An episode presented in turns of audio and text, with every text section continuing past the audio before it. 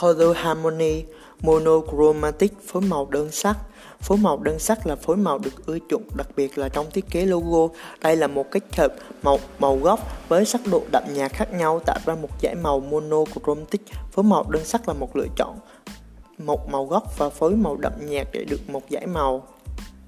Ưu điểm của cách phối màu đơn sắc là phối màu đơn sắc là cách kết hợp màu sắc đơn giản nhất nhưng lại mang tới hiệu quả cao khi phối màu đơn sắc. Hãy lựa chọn một màu đại diện và thử sắc độ để xem sự cộng hưởng tốt nhất. Phương án phối màu đơn sắc vừa có tính tối giản vừa mang tính giá trị cao cho sản phẩm. Cách phối màu này rất thuận mắt và dễ chịu với người nhìn. Chúng mang lại sự tập trung cao độ, người xem không bị sao nhãn, chỉ tập trung vào nội dung quan trọng. Analogous Phối màu tương đồng Phối màu tương đồng thường là ba màu kết hợp rất tốt với màu kế bên nó trên vòng tròn màu, qua đó tạo nên một phối màu rất nhã nhặn và thu hút. Phối màu tương đồng đa dạng về màu sắc hơn so với phối màu đơn sắc bởi khi sử dụng chúng bạn có thể phân biệt các nội dung khác nhau trên sản phẩm dễ dàng. Tuy có một sự pha trộn của nhiều màu sắc nhưng các màu này đứng gần nhau trên một vòng tròn màu nên phối màu này không quá rắc, rối rắm và phức tạp ngược lại chúng rất dễ chịu và vừa mắt. Thường thì sử dụng phối màu này các nhà thiết kế sẽ bắt đầu việc chọn ra mình một màu chủ đạo. Màu này sẽ được dùng nhiều nhất và các màu khác tương tác đối với màu chính này. Sau đó nhà thiết kế sẽ chọn màu thứ hai với nhiệm vụ phân biệt các phần nội dung quan trọng của sản phẩm. Phần thứ ba thường dùng để chi tiết không quá quan trọng thường là các chi tiết trang trí complementary phối màu bổ túc trực tiếp, màu tương phản phối màu bổ túc.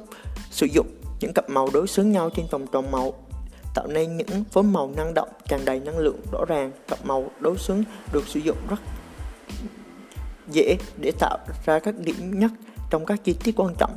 Chính vì sự đối lập giữa các màu với màu bổ túc trực tiếp hay hoàn toàn không phù hợp, nếu sản phẩm của bạn mang phong cách của sự thư giãn và nhẹ nhàng, cũng như với màu tương đồng khi màu khi chọn màu phối màu bổ túc trực tiếp này, các nhà thiết kế sẽ thường chọn cho mình một màu chủ đạo, sau đó sẽ kiếm màu tương đối xứng với nó làm màu phụ. Tuy nhiên, khi sử dụng phối màu này, bạn nên sử dụng những màu sắc có sắc độ desaturate color vì những màu này.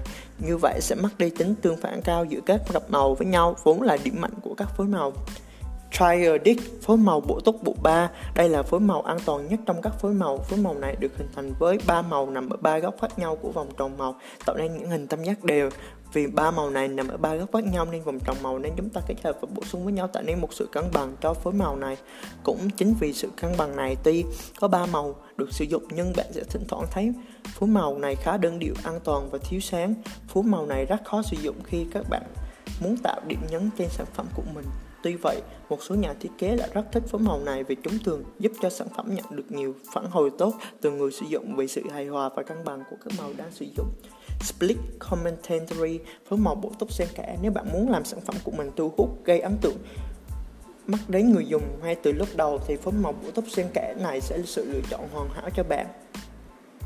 Phối màu này được tạo ra bởi ba màu nằm trong ba góc khác nhau trên vòng tròn màu và tạo nên một hình tam giác cân. Đôi lúc bạn có thể sử dụng thêm một màu thứ tư, màu này phải đối xứng với một màu hai màu tạo nên đáy của hình tam giác cân đó. Chính vì sự linh hoạt của việc chọn màu mà phối màu này thường mở ra cho các nhà thiết kế rất nhiều cơ hội khám phá và tìm được các cặp màu độc lạ, độc đáo của sản phẩm mình. Phối màu này đơn giản và an toàn nhưng vô cùng hiệu quả. Tuy nhiên, để thử thách bản thân cũng như Muốn sản phẩm của mình trở nên cầu kỳ hơn, bạn có thể sử dụng những màu bậc nhất vàng, đỏ, lam cho màu mùa chủ đạo. Đây là cách phối màu rất phức tạp nhất trong 6 nguyên tắc phối màu cơ bản nhưng nếu bạn chịu bỏ công sức và thời gian để lựa chọn màu sắc kỹ càng, phối màu này sẽ như một phần thưởng khi nó sẽ mang đến cho sản phẩm của bạn sự hiện đại và mới mẻ, rất phù hợp với nhiều xu hướng thiết kế. Hiện nay, nguyên tắc phối màu bổ túc bộ 4, phối màu được hình thành với hai cặp màu bổ túc trực tiếp, nhưng sự đối nghịch của như bổ sung giữa hai cặp màu này chính là điểm mạnh và sự khác biệt. Đặc trưng của phối màu này, các cặp màu phối này thoạt nhìn rất khó để có thể phối hợp và sử dụng chúng. Đúng cách, vì thế bạn mất khá nhiều thời gian để khâu chọn lọc lên màu cho sản phẩm của mình.